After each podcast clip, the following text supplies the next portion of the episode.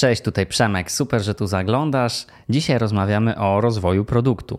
Kiedy tworzysz coś nowego i będzie to miało być eksponowane szerszemu gronu, używane przez innych ludzi, najprawdopodobniej będziesz chcieć stworzyć najpierw jakąś formę szkicu.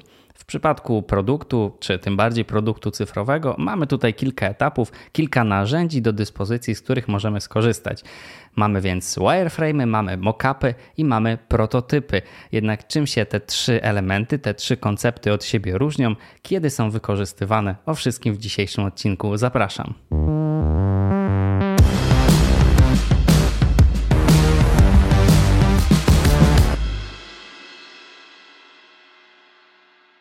W osobnym odcinku opowiadałem o tym, czym różni się proof of concept od prototypu, od MVP, Minimum Viable Product. Serdecznie zapraszam ten odcinek sprawdzić. I tam było o tym, że proof of concept to jest coś, co występuje przed prototypem. Dlatego na początek chciałbym Wam wyjaśnić, dlaczego w takim razie mówimy tutaj o wireframe'ach, o mockupach i o prototypie i nie występuje w tym porównaniu proof of concept. To wszystko dlatego, że POC czy POC to jest takie bardzo wysokopoziomowe, biznesowe potwierdzenie tego, że produkt, pomysł na produkt jeszcze na tym etapie ma sens, ma szansę się udać i jest wykonalny, czyli mamy wszystko, czego potrzebujemy, żeby ten produkt rzeczywiście rozwijać.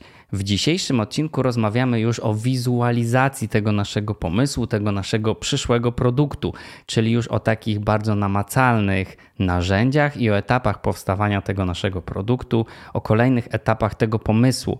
I w tej przestrzeni korzystamy właśnie z wireframe'ów, mockupów i prototypów. Zacznijmy więc od takiego wysokopoziomowego, skrótowego wyjaśnienia, czym są te poszczególne elementy.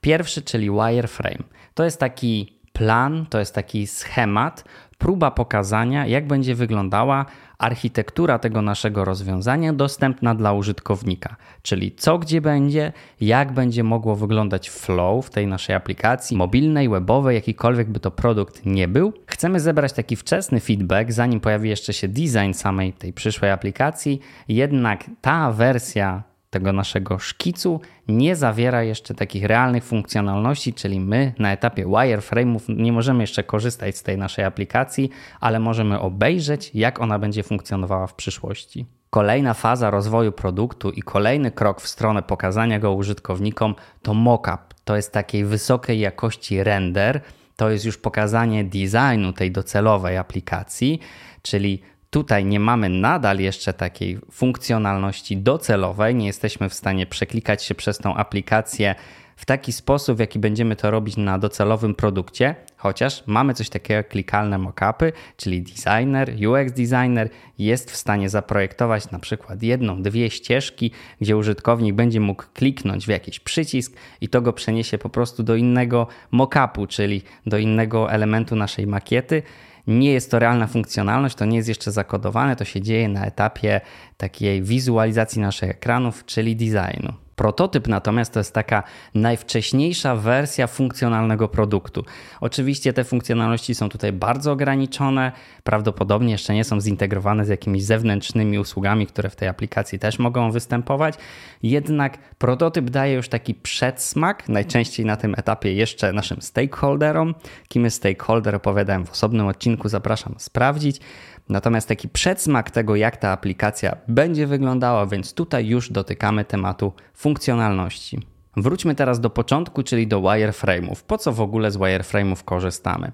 Po to, żeby na bardzo wczesnym etapie zakomunikować, przedstawić strukturę naszego rozwiązania i najważniejsze aspekty naszego projektowanego produktu. Tworzymy wireframe po to, aby na bardzo wczesnym etapie zaprezentować pomysł, czyli jest to już jakaś wystarczająca forma szkicu, aby druga osoba, z którą rozmawiamy, którą prosimy o feedback dotyczący naszego pomysłu, mogła się rzeczywiście do niego odnieść.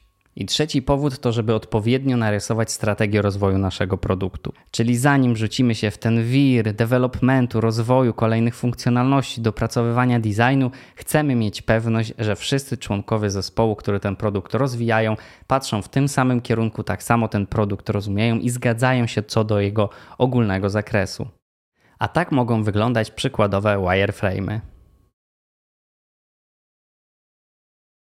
Przesuwamy się dalej w procesie do mockupów. Po co w ogóle tworzymy mockupy? Pierwszy powód to jest wizualizacja przyszłego produktu i jest to pierwszy etap w fazie rozwoju naszego produktu, kiedy rzeczywiście jesteśmy w stanie go zaprezentować wizualnie. Jesteśmy w stanie pokazać design, jesteśmy w stanie pokazać, jak ten produkt będzie w przyszłości wyglądał. Drugi powód to jest bardzo często w przypadku większych inwestycji, szczególnie taki buy-in ze strony interesariuszy, ze strony inwestorów, czyli no dużo łatwiej jest rozmawiać z osobą, która ma wyłożyć środki na rozwój tego produktu, kiedy może ona go rzeczywiście zobaczyć, może w takim klikalnym mockupie też gdzieś tam jakiś scenariusz w tej potencjalnej przyszłej aplikacji wyklikać.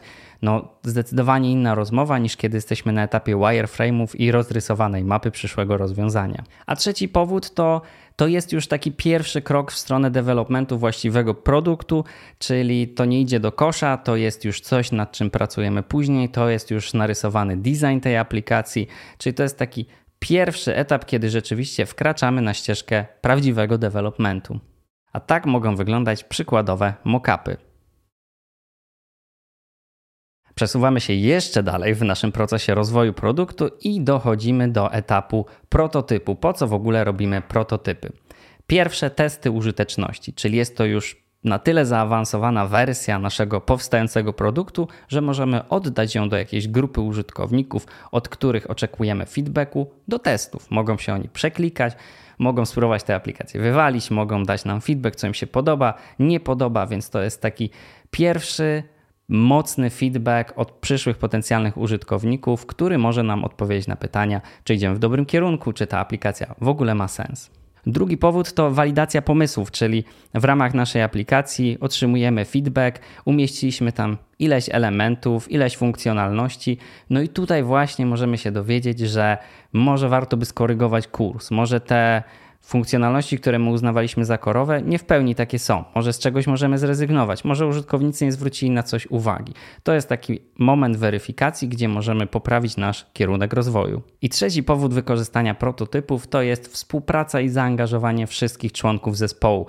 Czyli to tutaj jesteśmy w miejscu, w którym już każdy może się wypowiedzieć na temat produktu, każdy może wnieść coś swojego, każdy może zasugerować zmiany, czyli to nie jest głęboki development, gdzie biznes nie wie, co deweloperzy robią, to nie jest faza kreacji, gdzie deweloperzy nie wiedzą, co robi biznes. Tu jesteśmy gdzieś po środku, jesteśmy w takim miejscu, gdzie wszyscy możemy spojrzeć na produkt ze swojej perspektywy i zaproponować feedback i jakieś potencjalne zmiany.